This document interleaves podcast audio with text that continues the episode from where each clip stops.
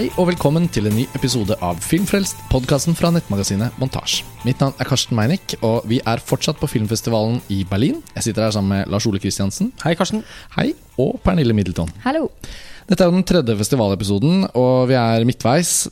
Vi har sett Steven Soderbergs nye film 'Unsane'. eh, og den var såpass insane gøy å se at vi ble enige om at vi må bare lage en episode om den alene. Før vi gjør noe annet Eh, Steven Soderberg trenger jo ikke noen nærmere introduksjon. Men det som har vært litt interessant med hans karriere de siste par årene, er jo selvfølgelig denne, dette at han la opp fra spillefilmens verden. Uh, og lagde en TV-serie og gjorde comeback i spillefilmens verden. Eh, så det var en veldig sånn kort hiatus han hadde.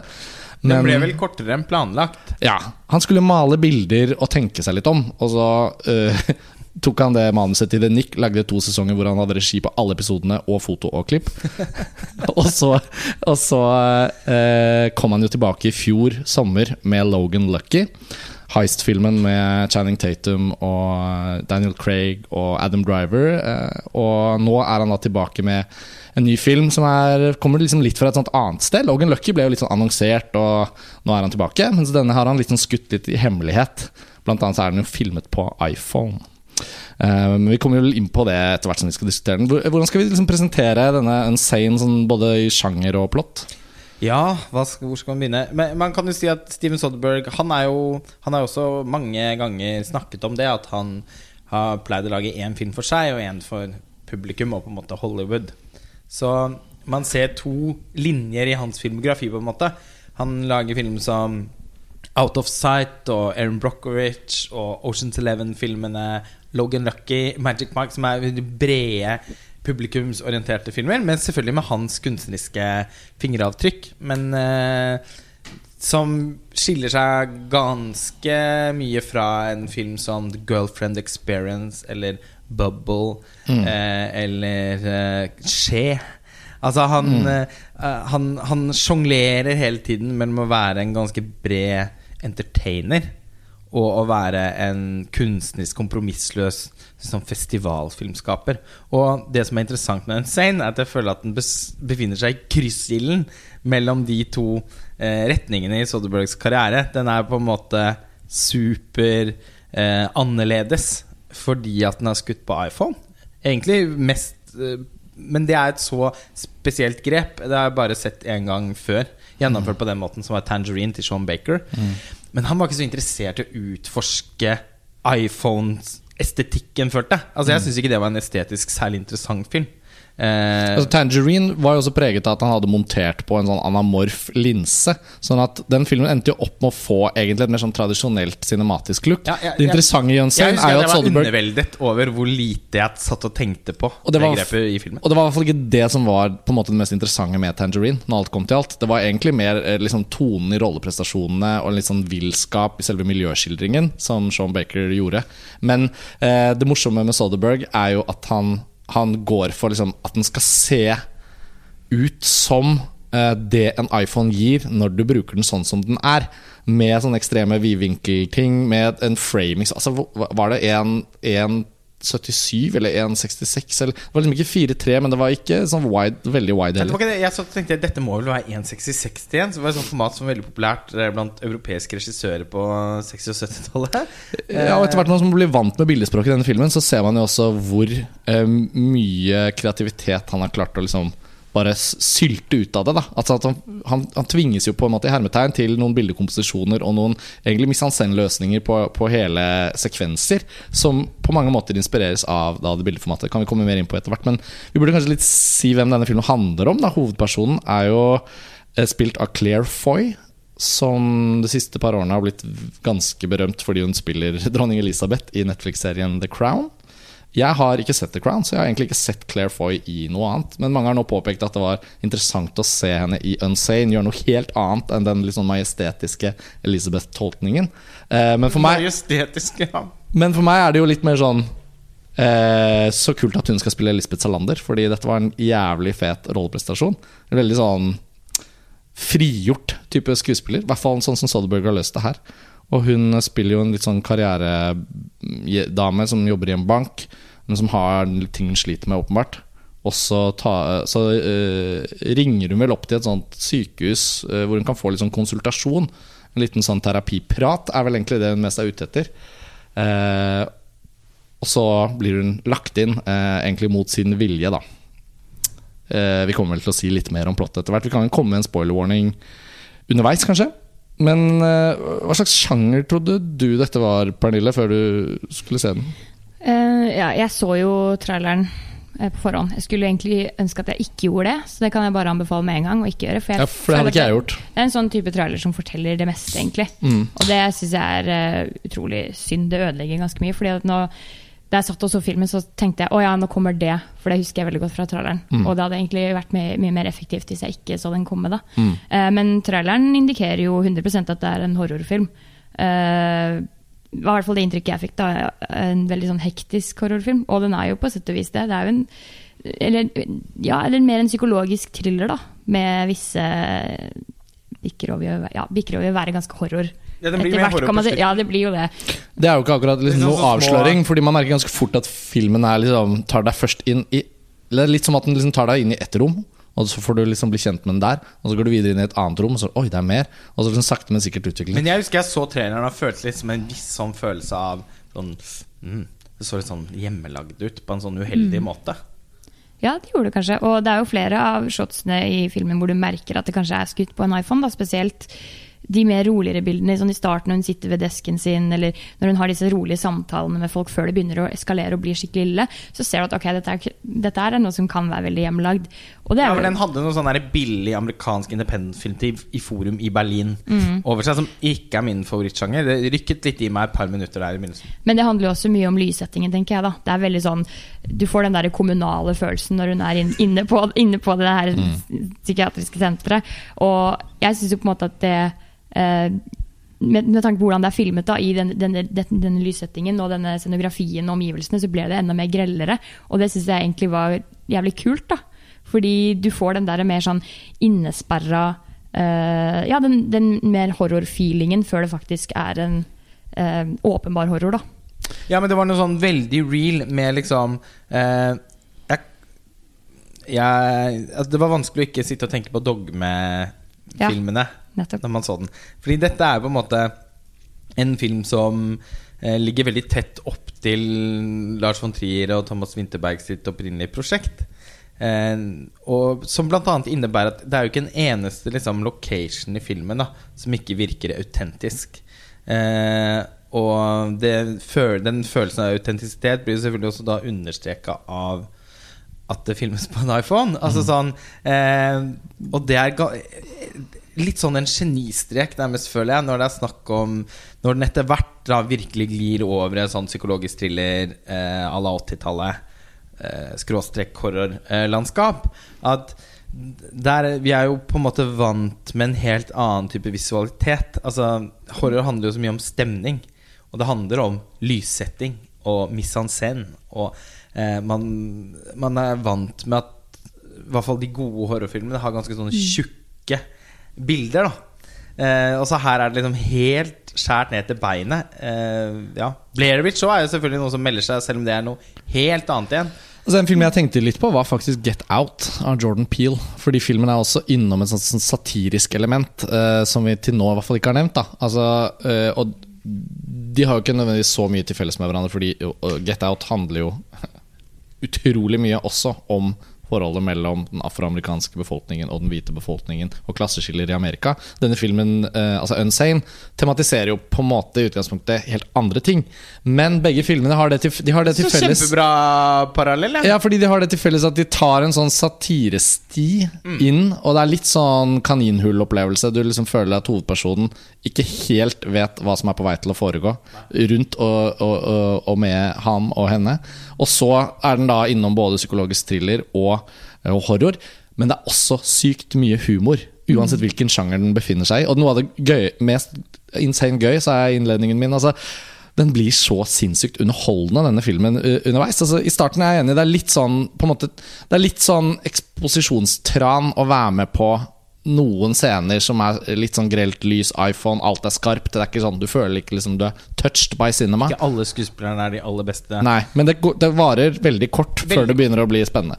Sånn at uh, Uten alt for, dra den sammenligningen altfor langt, så følte jeg den hadde noen paralleller til Get Out i det at man får være med inn i en sånn filmhistorie som tar deg ganske mange steder. Da. Så sånn sett så er det jo faktisk en film som litt bør bli beskyttet mot spoilere. Sikkert smart ikke se traileren. Ja, ikke sant. Og jeg syns også at det, det er en god, god parallell, som du sier, men begge to er også på en måte litt sånn samme type klaustrofobiske, fordi du har et helt system mot deg, og ingen tror deg, og du føler at du på en måte føl- følger en hovedperson som er i kamp mot alle, og får svært lite hjelp, og så har du én sånn, kanskje én redning, øh, og så ja, er du med på en slags get out-reise. Ja, men det er jo kjempepresis, tenker jeg. Fordi, og den, denne filmen er jo Veldig lenge syns jeg den hovedsakelig er en satire. Eh, satirisk eh, En satirisk understrøm har den hele veien. Eh, for prosjektet er å ha, ha politisk klangbunn. Så det er en kritikk av privatiserte helsevesenet i USA som eh, nærmest fanger pasienter for å holde dem så lenge som mulig for å kunne snylte på forsikringspengene deres. Og Det er jo en helt genial idé å lage en basically først en slags sånn også fengselsfilm om. Fordi den følger jo også fengselsfilmens eh, konvensjoner. Eh, være seg Shawshank Redemption eller Toy Story 3.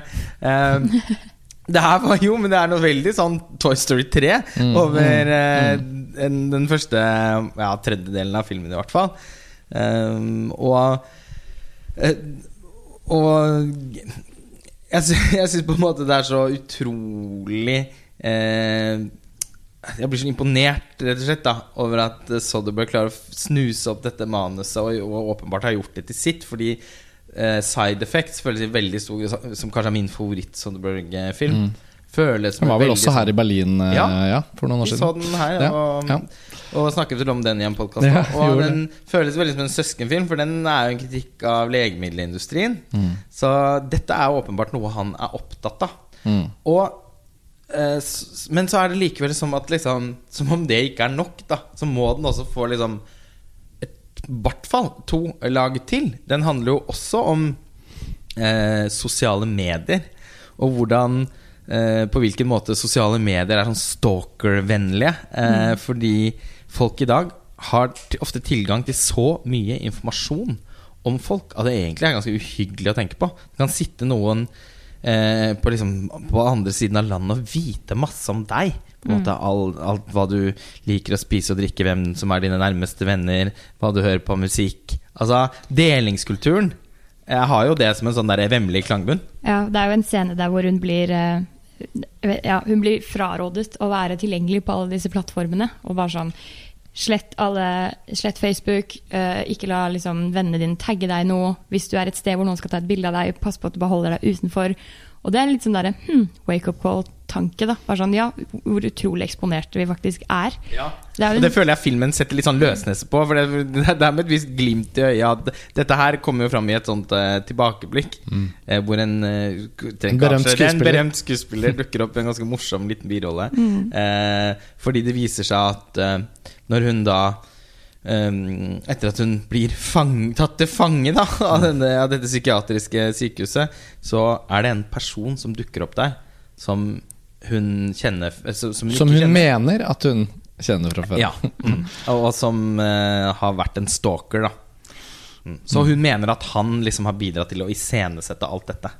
Og det Det, liksom bringer oss over i horror-elementet av og, og det er jo også det plottelementet som er litt sånn gøy å vite. Det var omtrent det jeg visste. At, uh, uh, og det, det setupet har på en måte Det er veldig mye mer i filmen. Uh, så, så selv om jeg syns vi skal diskutere spoilere etterpå, bare litt fordi det er gøy å snakke om. Og så hvis det er noen som da uh, hører på denne episoden litt senere og har sett filmen, så er det kanskje litt morsomt å få med det. Men, um, men en ting vi kanskje kunne gått litt mer inn på, er også liksom effekten av den, det visuelle grepet når den også handler om disse tingene.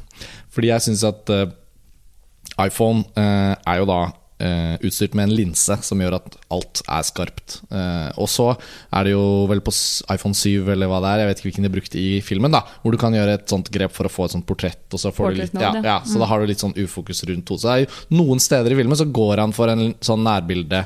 Estetikk hvor han på en måte har plassert kameraet så nærme det som skal filmes, at man får et litt annet look. Men nesten alle bildene i filmen er jo på en måte den wide-anglen. Eh, men eh, hvis man tror av å høre at den er skutt på iPhone, at den også er sånn håndholdt shaky cam, eh, sånn, så er det jo ikke sånn han har valgt å gjøre det. Kameraet er jo på stativ eller på dolly, eller på liksom sånn, så det står ikke på det. Så når man venner seg til det, så blir det jo liksom som, å, som om den estetikken blir så godt etablert. Jeg var skikkelig redd for at den skulle være for shaky. ja, for det er du det jo ikke i det hele tatt. Det det, Og når den først gjør det, da, så får det jo en veldig bra effekt. Blant annet er en sånn derre hva, heter det når det er uh, overlay, altså to bilder som er lagt oppå hverandre, som er komponert komponert for å lage et sånt super Ja, sånn det så ut som noe fra en stumfilm. mm. Jeg gikk jo på pressekonferansen etterpå for å høre han si noe om dette her, da. Og uh, det virket som at de hadde vært veldig nøye med hvordan de skulle utføre det her iPhone-grepet. Og han sa at det var jo eh, flere situasjoner hvor de eh, slet veldig med det. Fordi at det, kunne, det var så følsomt eh, at hvis de, hadde, hvis de hadde lent seg med stativet på en flate hvor hun lå, en, en seng f.eks., og hun bare slo hånden i sengen litt for hardt, så ville det bare shake opp og ødelegge hele bildet. Så de, han hadde vært veldig nøye med instrukser på eh, hvordan de skulle bevege seg rundt kamera. Eh, nettopp for å unngå de greiene her, og det syns jeg de fikk til sykt bra. Det var ikke noen forstyrrelseselementer med tanke på hvilke kamera de hadde brukt. Nei, altså Jeg ble he altså, Jeg syns dette er, en av de mest visuelt oppfinnsomme og suggererende filmene ja, altså, Nå har det vært mange visuelt oppfinnsomme og, og suggererende filmer de siste månedene. Vi er jo i en sånn høysesong med mange gode filmer. Eh, og vi har jo ennå ikke laget en podkastepisode om The Post. Nei, Som vi er helt nødt til. Og Phantom Thread. Ja som vi nettopp har sett Så det, Men altså, jeg syns det var Jeg fikk en skikkelig kick ut av å bare se Soderberg igjen uh, være Altså så nyskapende, da. Altså, Mm. han, han er den første som klarer å overbevise meg om at man helt utmerket godt kan lage en film skutt på iPhone, også egentlig uten at det blir en gimmick. Mm. Fordi den begrensningen, akkurat som dogme Og som for, egentlig så er det mer spesifikt von Triersk. Mm. Det er sånn type begrensning som man gir seg selv for at det skal stimulere kreativitet. Og det er altså så mange kule bildekomposisjoner og visuelle løsninger i den filmen her at uh, det, den begynner veldig basic. Så du får litt sånn mm, følelse med en gang. Men så bare å, så bare tar det seg mer og mer og mer og mer opp. Den blir jo egentlig etter hvert veldig stilisert på en måte som jeg aldri hadde forventa. Og som jeg følte traileren, som jeg aldri så helt ferdig. For jeg følte at sånn, åh, ehm, Og jeg syns heller ikke det så så bra ut. eh, ikke helt ga inntrykk av. En av de begrensningene du kommer inn på nå, Lars Ole, som jeg bare, siden vi av og til trekker inn dette Med den typen vidvinkelbilde som ligger liksom i iPhones grunnbilde, da, i optikken egentlig, så kan du ikke skyte skudd mot skudd.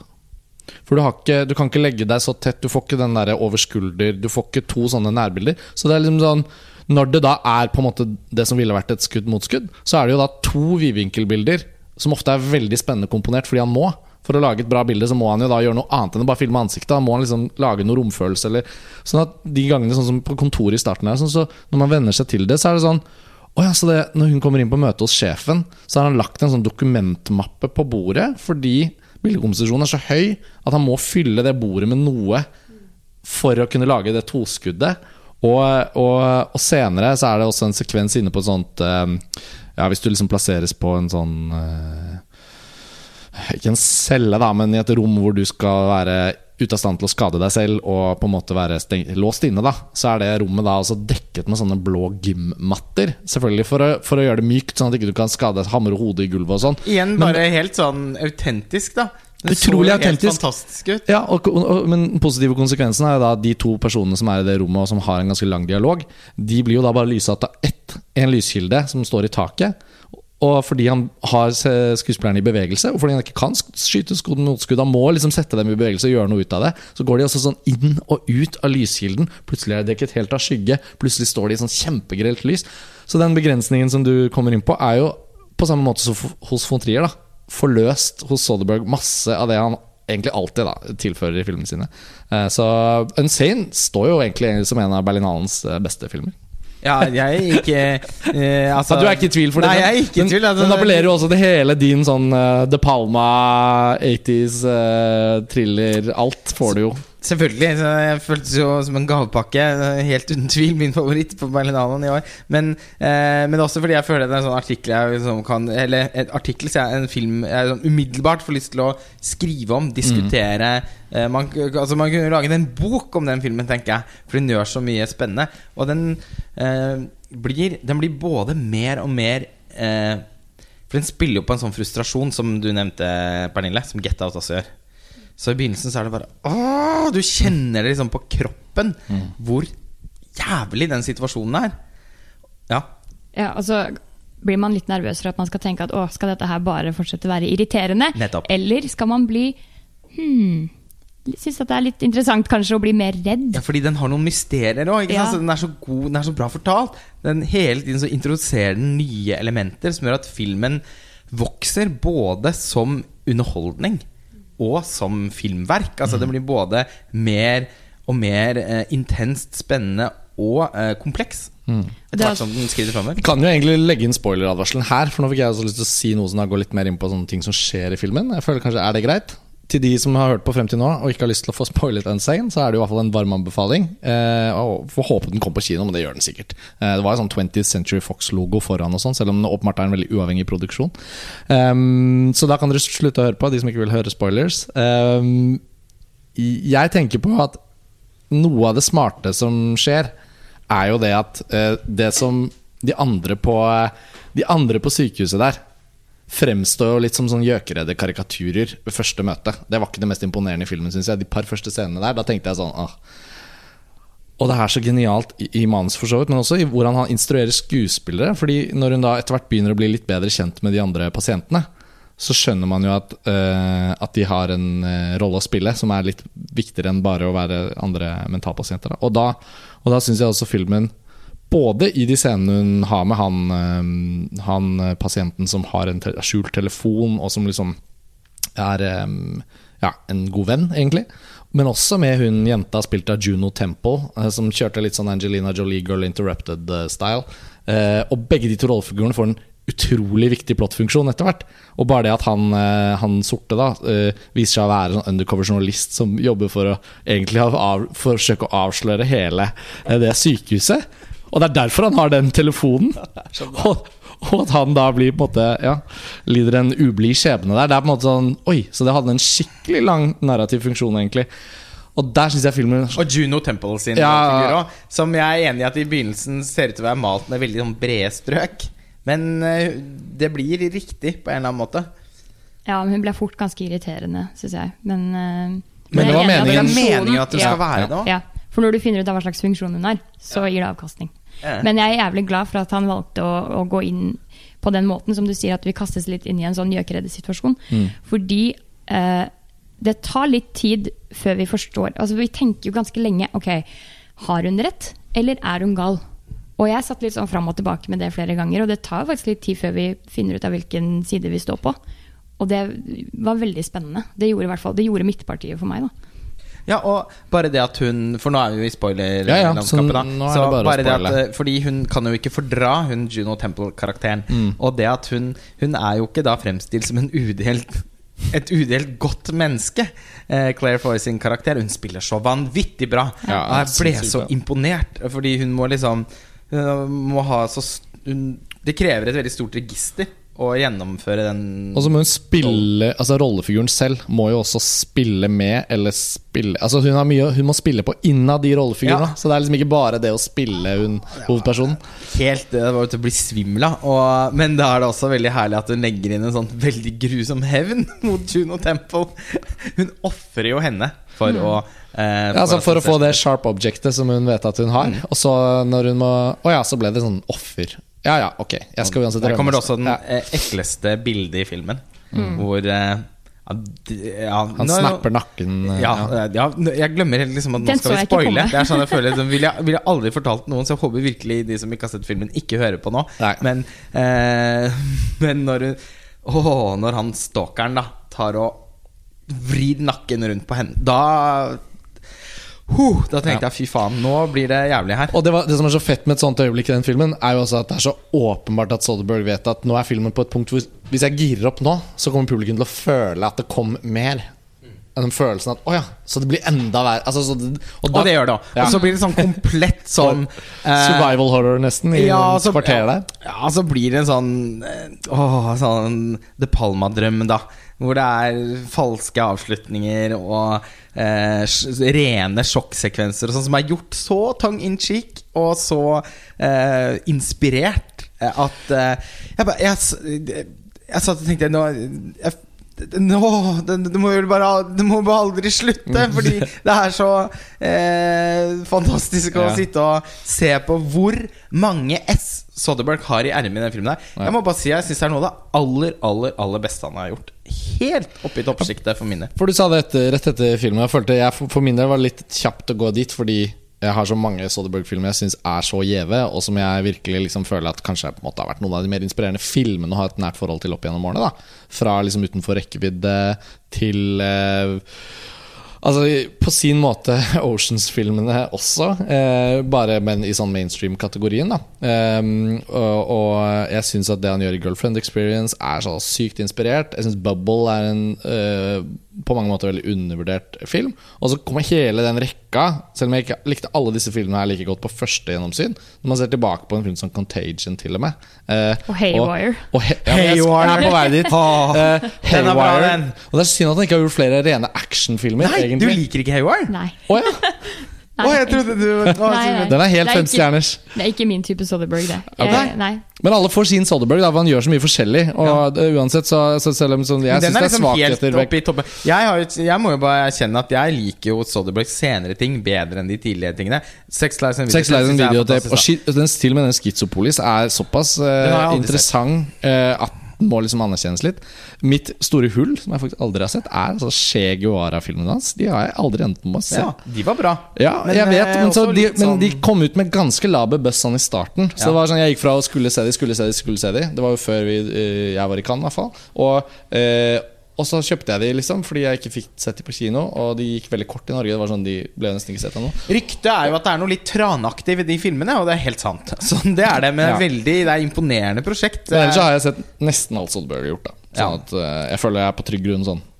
En dag blir det med det å se Skje-filmene. Men at Unsane var så bra, det hadde jeg ikke forventet. Det er verdt å nevne The Nick også, som jeg personlig syns Ja. er noe av det aller beste han har gjort. Ja, ja, ja, ja, ja altså Det skal, står ikke på bremsen. Jeg tok det med litt mer sånn kronologisk, egentlig. Og The Nick er jo som en film å regne, syns jeg. Det må man altså, det er, Altså Som et verk, da, kan Ja. man kalle det. Ja, men det er jo, jeg tenker på det som, med sånn genuint cinematiske TV-serien jeg Ja. har sett på den siden av Twin Peaks. Og eh, han har, nå har han liksom ikke bare regissert, men klippet og fotografert alle episodene. Så blir det jo like, altså et like, stor, like mye et Soderberg-verk som filmene hans. Og den, jeg syns jo også den serien er helt Jeg er helt enig med deg, Pernille, at den nå er helt i toppsjiktet av hva han har gjort. Ja. Det er noe så sjelden som en TV-serie hvor det opp, Nå er det bare to sesonger, da som jeg også syns er litt kult, egentlig. For da blir det litt mer sånn kondensert hva det var. At det rakk aldri å bli dårlig. Men det er ikke én dårlig episode. Alle episodene og er jo like fantastisk bra fordi det var som én lang historie. Men denne nye serien hans, Mosaikk, den har jo for så vidt ikke vi touchet ennå. Den er jo også veldig nyskapende. For det er jo sånn interactive serie. Og du må fortelle litt om den. Eh, ja, det, det er en sånn who done it-mordmysterium eh, hvor eh, Sharon Stone blir drept. Og så skal man finne ut hvem det er. Gareth Hedlund spiller en rolle, men jeg vet ikke hvem morderen er. for jeg har ikke sett serien. Men hele konseptet er at den serien skulle bli sluppet i USA med, en- med en app til, hvor folk kan underveis velge hvilken vei episodene skal ta og sånn. Uh, den ble innovativt. bare sluppet i USA, og den vi har tilgjengelig her i Norden, er hans foretrukne versjon, da. Men det jeg har skjønt på de kritikkene jeg har lest, er at den versjonen med app-opplevelsen er klart å foretrekke. Det vil jeg tro. Den Ja. har ikke fått sånn kjempegode mottakelser, den ferdigsydde Nei. Nei. Så mens alle som har liksom lastet ned Eller ikke alle, men mange jeg har sett amerikanske kritikere som lastet ned appen og sånn på den måten, syns det var en veldig kul greie. Da. Ja, for jeg tror det er faktisk en god del forskjellige utfall man kan få der. Det høres ut som noe man virkelig må få se. Hvordan kan man, hvordan kan man få sett Du må dra til USA, da. Den Altså, appen neste, funker bare. neste gang du er i USA Så appen funker ikke? Du kan, Nei, det går ikke an. Nei. Men det er så teit begrensning. Hva er poenget med det? Hvorfor kan ikke den bare få lov å leve sitt Vi drar på en slags en egen festivaltur til USA. Montasje her i USA, ja, for å se mosaikk på app, og så dra tilbake. Nei, men det finnes jo sikkert noe Det Det er finnes sikkert noen omveier, men, og eh, det går sikkert an å VPN-e seg gjennom Nei, det fins årsaker, men jeg tror ikke vi skal gå inn på det. Oh, ja, okay. Ja. Men eh, ja. En ting jeg hadde bare lyst til å trekke inn da når vi først var litt på sånn Soderberg i, i det generelle. Så jeg syns jo Logan Lucky var veldig bra. Eh, den fikk en litt sånn Den ebbet litt ut eh, i fjor, med at den fikk liksom kanskje ikke de store sånn hyllestene verken her eller noen Jo, andre den fikk dritbra kritikker. Ja, ikke i Norge gjorde den det. Nei, men i USA Ja. Rotten Tomatoes tror jeg har Det var ikke 95 så, men- eller Jo, den er, fikk kjempegod kritikker. Men hos oss, for eksempel, da, på, topplist, på, topplistene, topplistene, på topplistene på montasje og sånn, så gikk Nei. det, det var ikke sånn bjelleklang med Logan Lucky på, på topp ti rundt omkring. du var ikke noe fan Nei, min, det var på min tommel ned. Den, På tommel ned, ja. Ja. Såpass, ja. ja. Men jeg, det, jeg tror det har veldig mye med forventninger å gjøre. Ja. Spesielt når det gjelder regissør, rollebesetning osv. Jeg ble veldig skuffa, syns ikke den traff ikke meg. Og da kjente jeg at jeg var veldig redd for at nå har vi mista Soderberg. Uh, så derfor så var dette en sånn ekstra oppsving, da, for å Ja. si det mildt. Jeg Skal, liksom skal mer til å miste en regissør. Logan Lucky er ikke i nærheten av Nei, men Med tanke på at han har sagt at han ikke skal gjøre film lenger, og kanskje Ja, han er er litt sånn uinspirert og Ja. Ikke sant?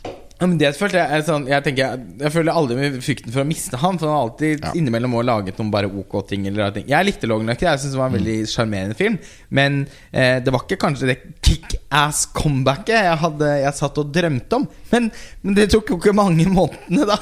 Så, så ble jo en sane det. Ja. Eh, og som sagt, av en eller annen grunn så De mine Soderberg-favoritter er jo da liksom Side Effects, eh, Haywire, Girlfriend Experience og nå uh, Unsane. Ja. Uh, jeg liker han når han er i det Og, og, og, og så syns jeg bare han er innmari god på å lage spenningsfilm. Mm. Uh, og, jeg, og, jeg blir jo Altså, når bare når jeg leser det lille jeg får høre om plottet i den Mosaic-serien nå, selv om den ikke har fått noe god mottakelse, så må jeg jo selv innrømme at jeg blir veldig nysgjerrig, for det høres ut som noe jeg kan like innmari godt.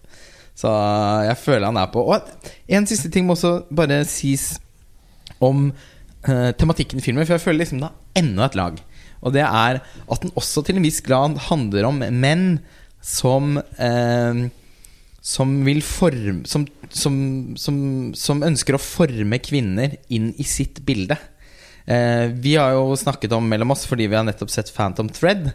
At det er en sånn Pygmalion-myten-film à la Rebecca, Vertigo til Hitchcock, Bitter Moon av Roman Polanski. Eh, mange filmer å nevne der, selvfølgelig. Eh, men og det, det, det, det, som det flashback i filmen handler om, og han stalkeren Måten han Når de etter hvert får en reell konfrontasjon rundt hva han Hvorfor han er så interessert i henne, og hva han har tenkt rundt Altså hva han ser for seg å oppnå.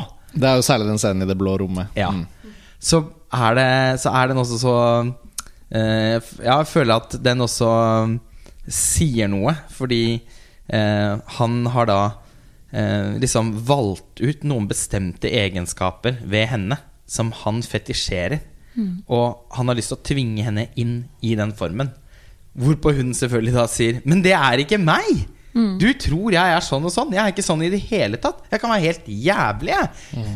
Og akkurat det var så jævlig bra skrevet. Fordi at jeg tenkte fort at her kommer vi til å havne i en sånn situasjon fordi de er i et innesperret rom, og han er på en måte Han er større enn henne, han er sterkere enn henne. Han har makten åpenbart hvis han vil.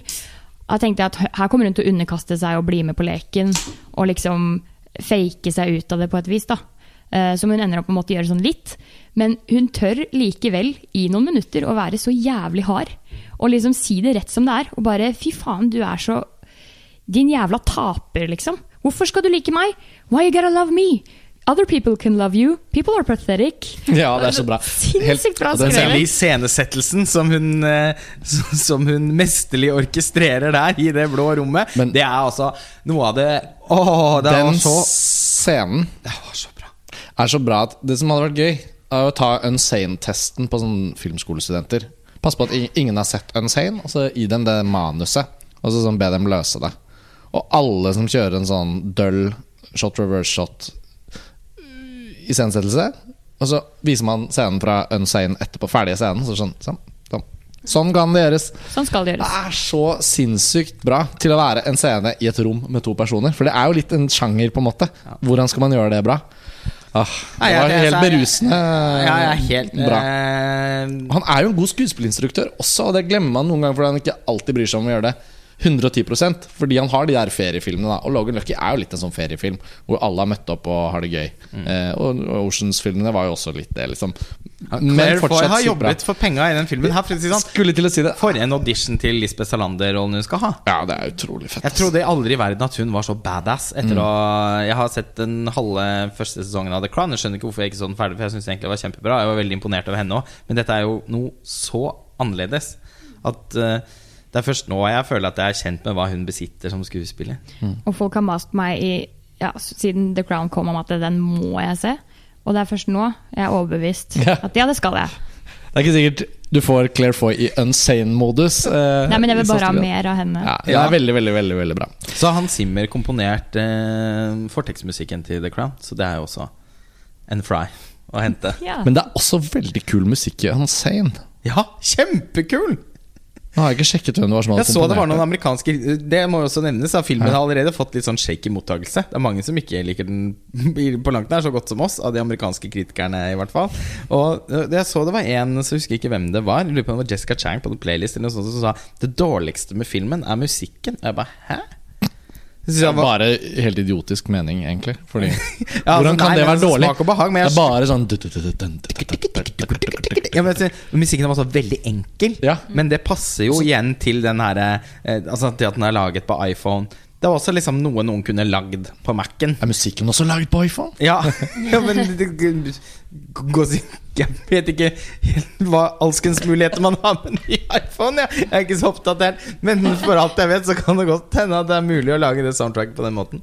Ja, for det hva ellers skulle det vært, da? Jeg syns det passet så godt som det kunne gjort. Ja, selvfølgelig helt glimrende musikk i den filmen. Det er, Det er nesten tull. alltid en eh, pluss med eh, filmene til eh, Det, så ut som det var Cliff Martinez. Jeg så i hvert fall ikke at han ble nevnt på Nei, jeg la, så heller ikke hans navn dukke opp. Men det var jo litt sånn Martinez-aktig. Ja, David Holmes var jo tilbake og gjorde musikken til Logan Lucky. naturligvis Så Han veksler jo litt, alt ettersom hvilke sjangere han opererer innenfor. Nei. Vi er vel ved veis ende. Vi er vel det. Ehm, dette var altså Steven Stolbergs Unsane. For de av dere som ville høre gjennom spoilerfeltet vårt, så har dere nå kommet til eh, slutten av episoden. Eh, vi er straks tilbake med en ny uh, Berlinale-episode. Vi har sett mye interessant og eh, som det skal bli gøy å snakke om. Så følg med videre. Takk for at dere hører på Filmfrelst, og takk til dere her i panelet for dagens runde. Ha det bra. Ha det bra.